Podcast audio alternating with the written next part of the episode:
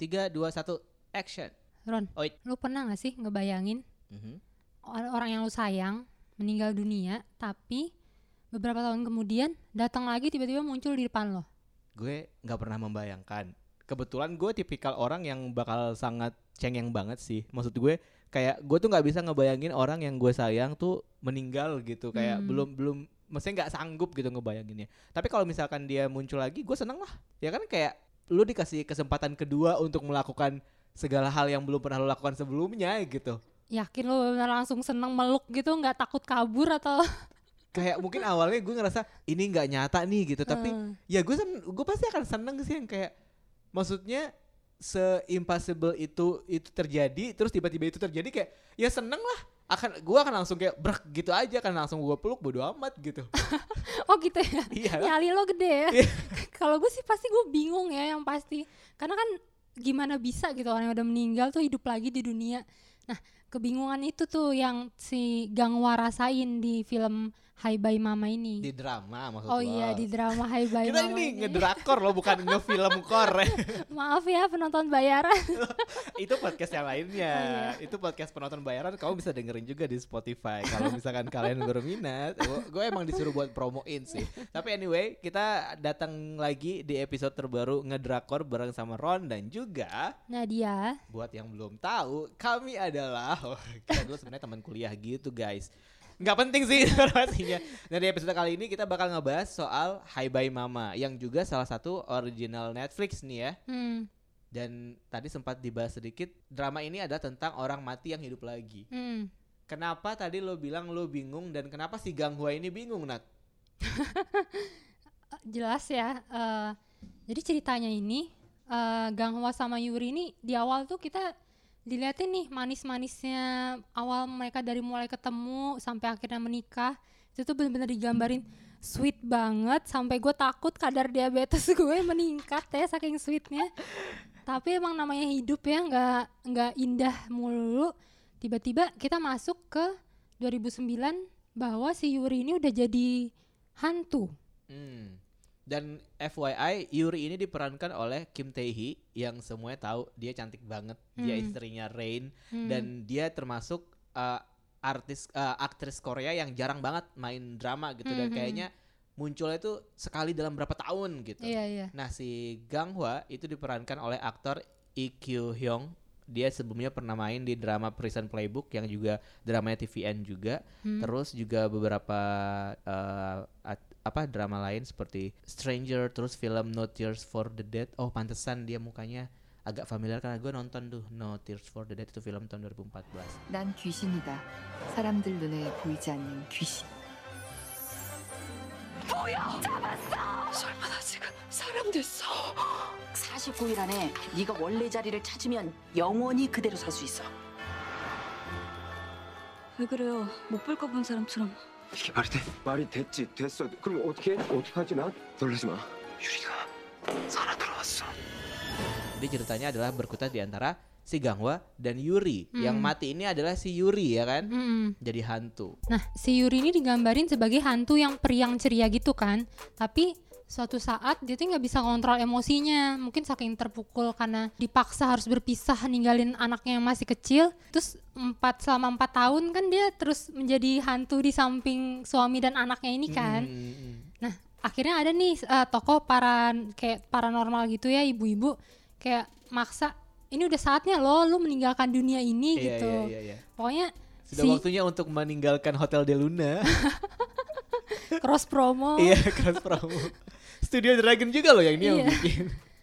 Nah, tapi si Yuri ini eh, kesel gitu kan. Akhirnya tiba-tiba dia kayak ngehardik dewa gitu sampai akhirnya ada petir segala macem. Iya iya iya. ada ada petir di tengah-tengah salju gitu ya di Iya. tengah salju kayak. Bener sih kayak baru pertama kali gue ngelihat namanya dewa pasti orang-orang pasti takut ya. Hmm. Cuman yang yang sebenarnya lucu yang kita tahu kan nggak semua orang Korea itu kan beragama Iya, gitu. iya. Terus eh, di sini juga kita kan nggak dikasih penjelasan juga dari Agama awal mereka. agama mereka ini apa gitu karena pernikahannya kayaknya pernikahannya secara Kristen ya. Hmm. Tapi ketika dia marah-marah kok marah-marahnya sama dewa gitu. Kayak itu sih gua agak-agak mempertanyakan juga. Dan itu juga sih yang gua ngelihat dia juga sendiri agak ra- ag- si Yuri agak-agak bingung juga ya ketika Hmm, hmm. ketika si paranormal itu bilang kayak ya siapa sih yang bikin kita harus pergi ke sana itu siapa? Iya. gitu kan. Ya dewa lah. Terus dia juga bingung oh dewa. Kayaknya dia emang karena emang dia nggak beragama juga kali ya. Makanya ketika dia ngomongin dewa tuh kayak dia bingung oh ada ya yang namanya dewa ini gitu. Kayak lagi marah ke temen aja. Iya ya udah kayak gimana ketemu juga. Eh, setelah dia Yuri tahu-tahu berhasil jadi manusia nih setelah dia ngehardik si dewa itu eh, Yuri kan bingung nih dia nemuin lagi tuh si paranormalnya. Jadi intinya si Yuri ini dalam 49 hari ke depan dia harus berhasil ngedapetin eh, tempat dia kembali di dunia ini. Hmm, karena dia udah mati sebelumnya kan. Mm-mm. dan ketika dia mau hidup lagi intinya ya what's your purpose in this world? Lo harus temuin lagi buat bisa bertahan hidup gitu. Oke oke oke. Nah, yang mana itu eh, tempatnya itu? Maksudnya kan sebagai istrinya si Gangwa dan sebagai eh, ibunya Heeh, Sowu. ibunya. iya iya iya permasalahannya. Permasalahannya adalah laki-laki ini nggak bisa nih hidup tanpa wanita selama empat tahun.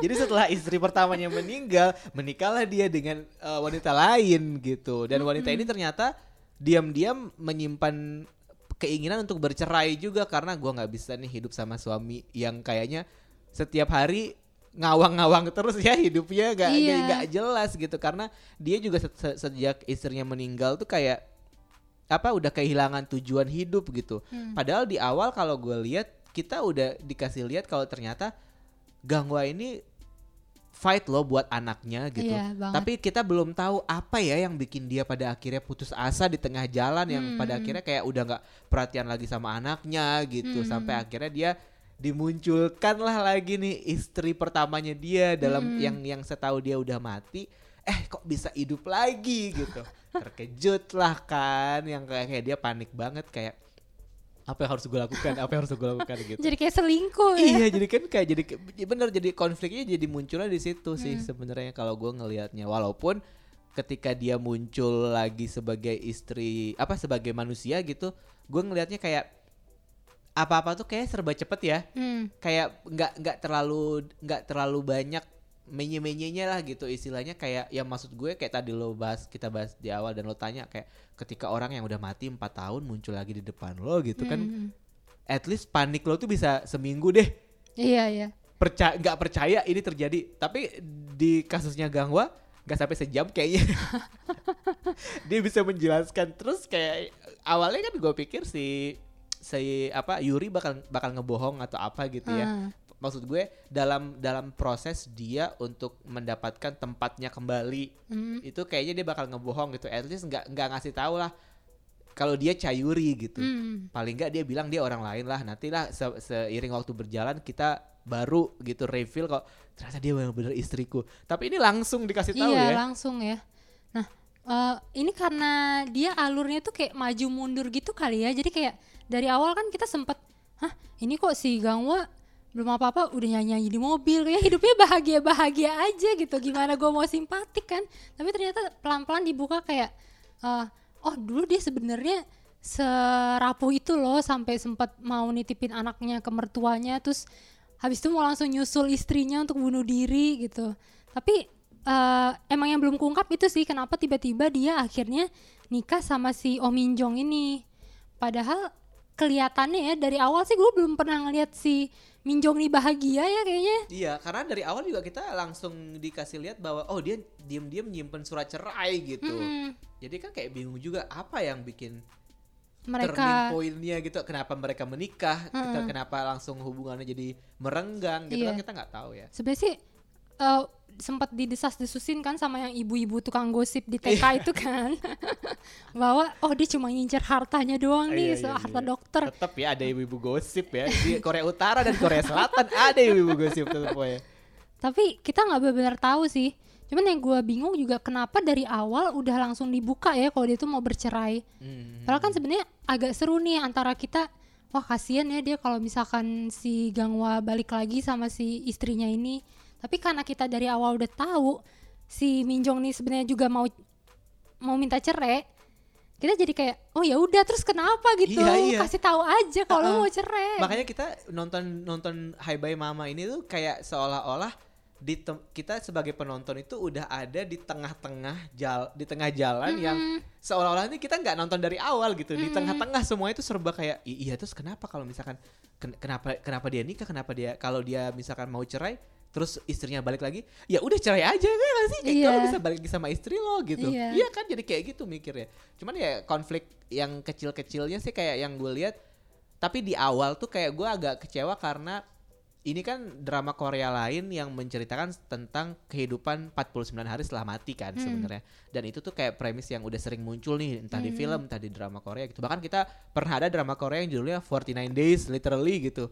Yang dia eh, kehidupan hantu juga gitu. Nah, tapi bedanya itu di sini kenapa gue bilang agak apa ya?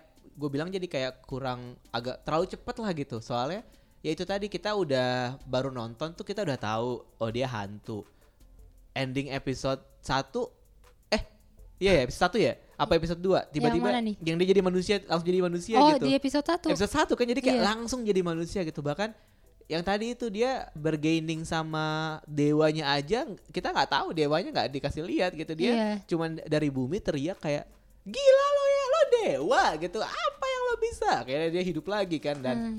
gimana dia harus survive itu juga kayak cepet banget gitu. Nggak nggak terlalu banyak dijelasin di bagian itu makanya ngerasa kayak ini agak minim dialog nih dramanya Iya makanya gue sebenarnya eh, suka nih tipe-tipe apa kehidupan pernikahan atau setelah kematian kayak gini Ron. Cuman ya menurut gue ya kenapa lo ada bakat cenayang atau jadi, jadi cenayang oh, gitu. enggak sih. Cuman gue pas pas ini saat lo inget 49 days, gue justru ingetnya ini loh. Please come back Mister. oh iya itu juga uh-uh. Ya, yang itu soal- Rain kan yang Uh-uh. main ini istrinya oh, wow universe apa ini Jangan-jangan mereka jangan ada yang pernah mengalaminya. mungkin sengaja juga dibikin oh Rain kan pernah nih jadi orang apa orang mati hidup lagi ya udah kita bikin aja sekarang versi Kim Tae Hee gitu kali ya Bisa jadi. Cuman so far di eh, si Please Come Back Mister itu kayak lebih dijelasin sih yang dunia arwah roh sana kan kayak sistem mereka tuh gimana, kenapa dia bisa sampai di bumi segala macem. Kalau di Hai Bye Mama ini kan kayak habis ngutuk tiba-tiba lu udah jadi manusia gitu. ya. Seolah-olah tuh apa namanya eh dewa meng ya iya sih dewa secara dia Tuhan gitu kan menurut kepercayaan orang yang mempercayainya ya kun fayakun aja ketika gue mau bikin lo hidup ya udah lo hidup gitu. Cuman ya kita sebagai penonton tuh jadi kayak oh ternyata kalau kita gentayangan gampang ya bisa buat hidup lagi tinggal provokasi aja sih dewa Iya, gitu kan. iya. kayak provokasi aja dia terus tiba-tiba kita bisa hidup lagi gitu. Dan kita nggak dikasih penjelasan bahwa se- selama apa kita bisa hidup gitu kan. Dan itu juga penjelasannya menurut gue nggak terlalu nggak terlalu detail dari si cenayangnya gitu. Jadinya tiga episode pertama itu kita dikasih lihat bahwa nggak ada konflik yang berarti sebenarnya Iya. nggak beneran beneran kayak ini setelah Kim Tae Hee hidup lagi setelah dia mati abis itu ketemu sama anaknya udah Iya. gitu sih yang gue lihat kayak Ah. ya udah gitu Gue juga makanya di uh, episode 3 terutama gue kayak sempat agak sedikit bosen sih kayak uh, gue menunggu perkembangannya si Yuri ini tapi justru dia malah kayak kadang terlalu banyak mengekspos arwah lain sebenarnya arwah lain tuh lucu sih Mm-mm. cuman di saat yang pemeran uta- uh, tokoh-tokoh utamanya aja belum terlalu settle masih masih yang kayak tadi lo bilang konfliknya ya udah ya itu udah gitu. doang iya bener Tapi udah dibuat kita tuh main ke arwah-arwah lain menurut gue agak bikin bosen sih di situ. Hmm, dan ar- arwah lainnya juga bahkan ada yang nggak penting banget yang nge-expose dia lagi nyari tisu toilet aja tuh bisa lama banget gitu loh. Sementara pas Kim Tae Hee minta hidup lagi itu kayak secepat itu gitu kan. Iya, Gue iya, iya. agak nggak nggak maksud gue nggak ngerti kenapa dia milih buat berlebihan untuk karakter sampingan yang ya Hmm. mungkin nanti akan jadi penting tapi nggak tahu juga tapi menurut gue adegan tisu toilet itu agak what the hell gitu kayak terlalu terlalu ini yang namanya glorifikasi. Iya, iya. glorifikasi tisu toilet nih. Bukan Korea Utara yang diglorifikasi di drama sebelumnya tisu toilet yang diglorifikasi gitu. Kayak agak kesel juga sih gue. Cuman karakter-karakter hantunya itu sebenarnya mungkin memang nanti akan akan akan penting gitu di belakang. Pengenalan di awalnya ini tuh masuknya itu jadi kayak dua cerita terpisah gitu Iya. loh kayak tadi gue bilang kita masuk nih di di drama ini tuh kayak udah di tengah jalan gitu seolah-olah kayak apa ya mereka tuh berusaha buat memperkenalkan masing-masing karakter. Ada yang hantu yang bunuh diri ada yang dari 100 tahun yang lalu segala macam Iya. tapi what's their purpose tuh kita masih bingung juga. Soalnya Yurinya aja tuh masih belum jelas gitu. Sel- selama tiga episode tuh masih masih ngawang-ngawang banget kalau menurut gue. Apalagi eh, Yuri ini kan emang digambarin mungkin emang ya hantu periang gitu kan. Kayak oh ya udah suami gue nikah lagi ya udah gitu. Yang penting gue ngeliat anak gue. Cuman di awal sih waktu gue ngeliat si Hi Bye Mama ini gue akan expect mellownya tuh lebih terasa gitu. Tapi ternyata Exactly. ya kan?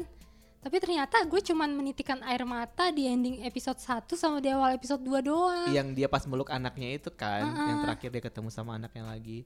Itu sih gue juga tadinya expect ini bakalan melodrama banget tapi ternyata kok enggak gitu. Cuman yang gue suka sih sebenarnya Maya, kenapa kenapa pada akhirnya gue tetap ngelanjutin sampai sampai epi- episode 3 walaupun di episode 1 sama 2 itu lambat banget itu tuh karena eh, di tengah di tengah eh, mereka menampilkan cerita ibu dan anak dan ibu yang sangat ingin bertemu sama anaknya jokes-jokesnya itu receh oh gitu. iya receh sih Receh banget emang, yang kayak emang. Apa saking recehnya jadi kayak beneran hah apa sih ini? Nggak mining kayak gitu receh banget. Apalagi yang adegan ketika si Yuri lagi ngejelasin kenapa dia bisa hidup lagi ke suaminya. Itu kan ada beberapa spekulasi yang Iya, muncul iya, di iya. kepala dia dan kemudian divisualisasikan kan. Dan itu tuh receh banget Iya, menurut receh, gue kayak receh. ini ini sebenarnya mau ngomongin hal penting tapi ya kok gitu? Jokesnya tuh jadi jadi bikin jadi bikin apa namanya agenda ngomong pentingnya ini jadi nggak berasa. Pada akhirnya ya jadi nggak beneran. Ya, maksudnya dia ngomongnya jadi jadi se ya udah sereceh itu Iya, jadi lucu. jadi lucu gitu. Momen momen pertemuan setelah empat tahun mereka berpisah karena kematian jadi Ah. malah loh udah gitu Iya. doang gitu jadinya. Untuk kalian yang emang gak terlalu suka yang terlalu melodrama mungkin ini pas banget ya. Hmm, karena sebenarnya dia ngangkat hal berat tapi ya itu dikocak-kocakin. Betul. Terus juga gue suka sama eh, second couple-nya yang temennya mereka yang mereka- mereka berantem pas lagi ada pelanggan lagi makan itu kan bodoh ya iya dan percakapan-percakapan mereka lucu sih emang Hmm. Cuman yang yang menurut gue kekurangan dari drama ini terlepas dari rating dia sempat tinggi banget ya kan pas dua episode pertama, kekurangannya menurut gue kayak itu eh terlalu patah-patah gitu loh, nggak maksudnya ngejelasin karakter-karakternya itu terlalu patah gitu Iya, kayak benar. fragmen-fragmen-fragmen tapi nggak nggak nggak nyatu kalau menurut gue nggak nggak ngebaur nggak nge-mix gitu ini tuh jadi kayak nanggung sebenarnya mau melodrama tapi nggak Nah, melo-melo banget sebenarnya karena ya itu tadi jokes-jokes recehnya itu dan juga pengenalan-pengenalan karakternya yang sebenarnya terlalu banyak tapi terlalu singkat. Hmm, hmm, hmm. mungkin karena yang tadi gue bilang ini dia tuh suka patah-patahnya dia tuh suka apa ya ngasih tahu tuh tiba-tiba di belakang flashback tiba-tiba muncul pas di epilog baru ketahuan. Nggak continue gitu. Padahal kan ini bukan bukan apa ya ini tuh kayak kisah kehidupan sehari-hari kan.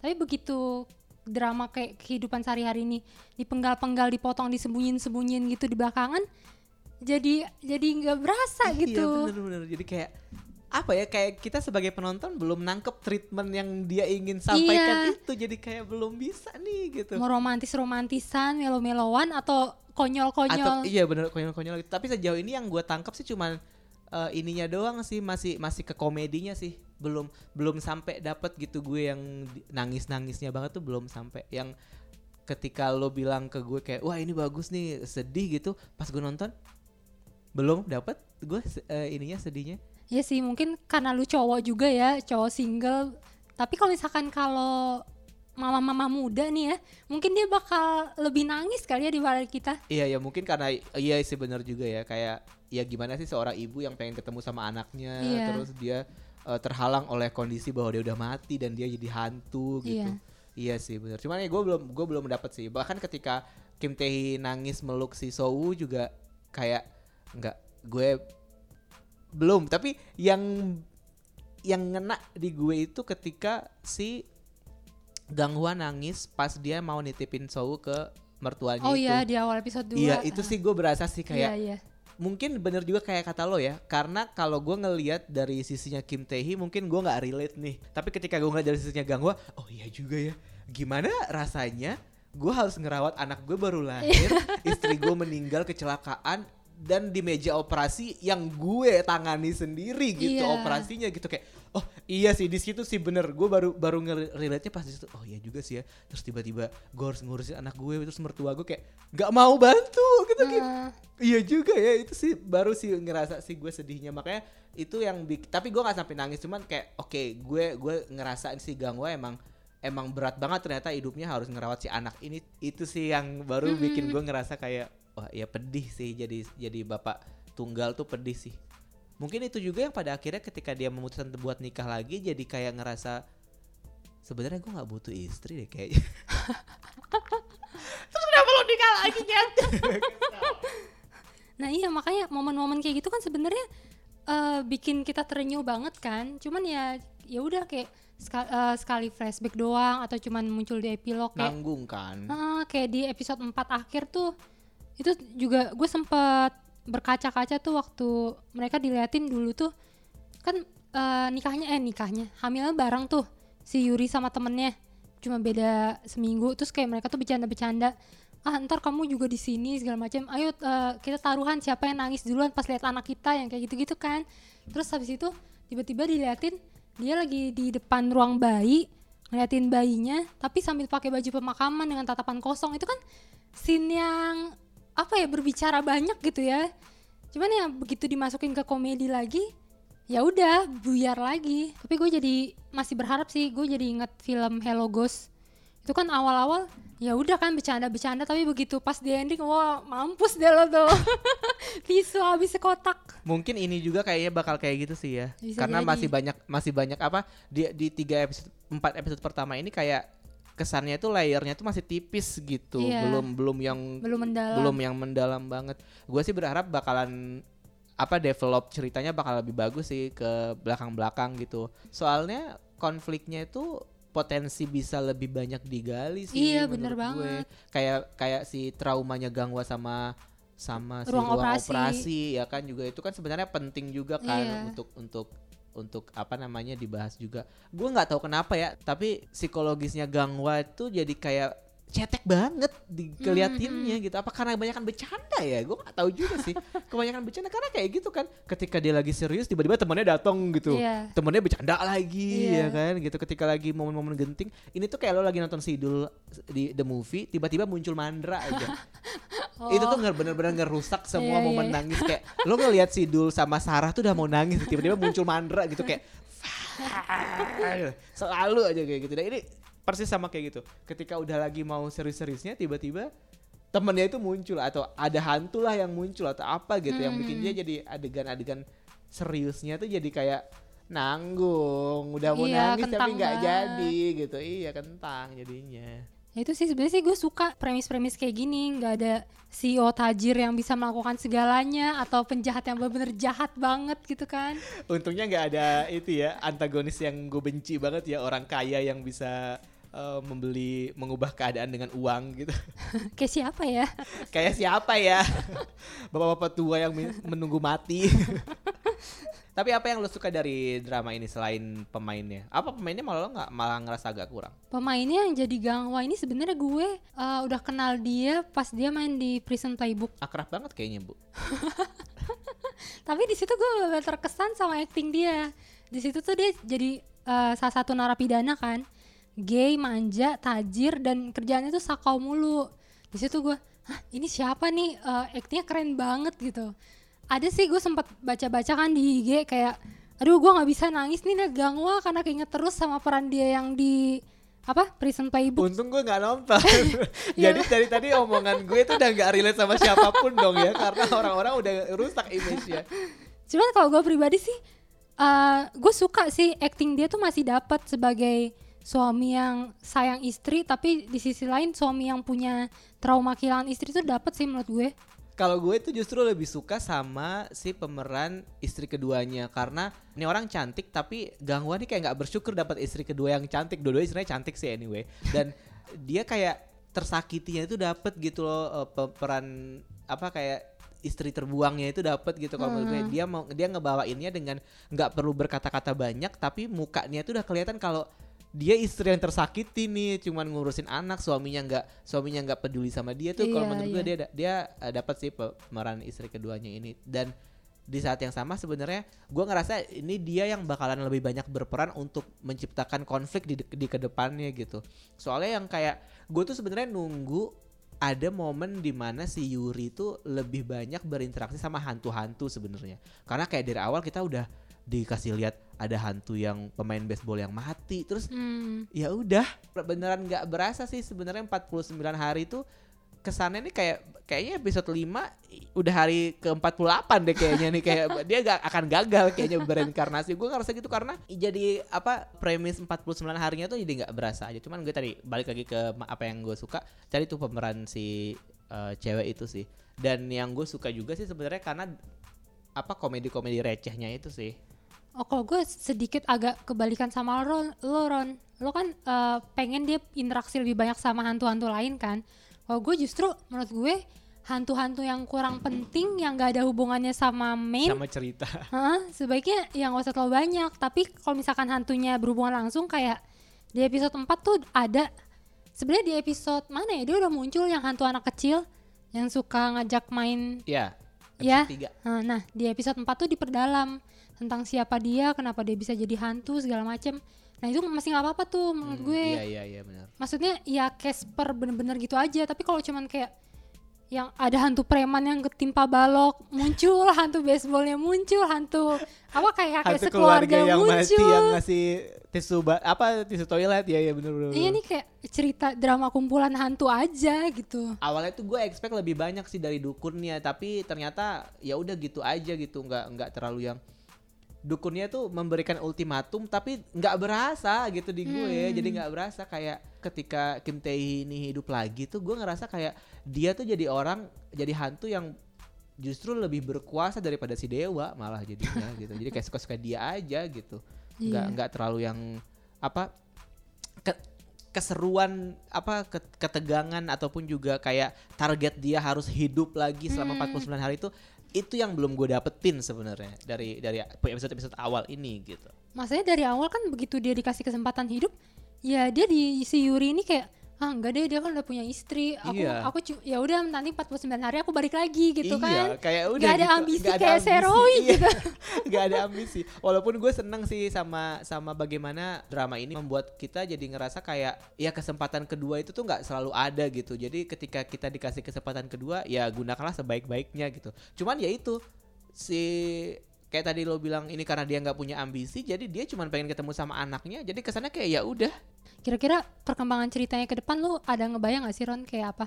kalau yang ini gue nggak bisa kebayang. Kayaknya kalau menurut gue si istri sah eh istri kedua yang ini nanti akan dibikin jahat kali ya.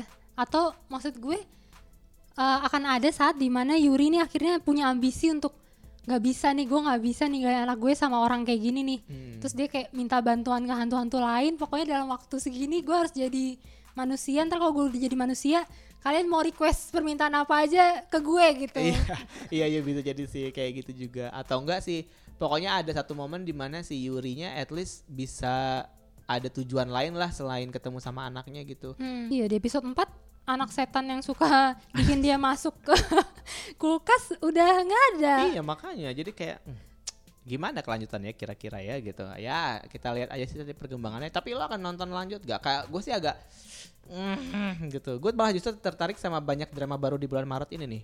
Oh iya. yang Iya sih. eh, 365 the year apa itu yang tentang apa mesin waktu itu gue malah lebih tertarik nonton itu tuh kayaknya bakal lebih seru deh. Oh gue masih ikut bunuh-bunuhan di Tell Me What You Saw sih. Oh gue belum nonton itu juga kayaknya kita harus ngebahas itu di episode selanjutnya. Oke kalau menurut gue Hai Bye Mama ini bisa lah diikutin kalau misalkan lo emang nggak terlalu yang dikejar-kejar banget gitu loh pengen Iya. nonton sesuatu yang Santai. santai yang chill kantor. aja nggak nggak terlalu mikir macem-macem lah ya udah nonton aja menikmati aja si Kim Tae Hee ini gitu dengan actingnya dia yang nggak ada sih nggak ada yang terlalu spesial sih sebenarnya dari actingnya Wah, dia juga. sumpah kalau menurut gue tuh kayak ya udah biasa aja gitu nggak terlalu yang gimana gimana banget lempeng aja udah gitu tapi ya tetap bisa lo akan nikmatin sih Eh, iya sih gue juga masih berharap kalau ini tuh akan lebih apa ya lebih sensasional lagi dramanya. Iya, iya. Mungkin nanti akan ada plot twist yang lebih bikin kita jadi ke-guide terus gitu buat nonton. Tapi kalau sejauh ini kayak hmm.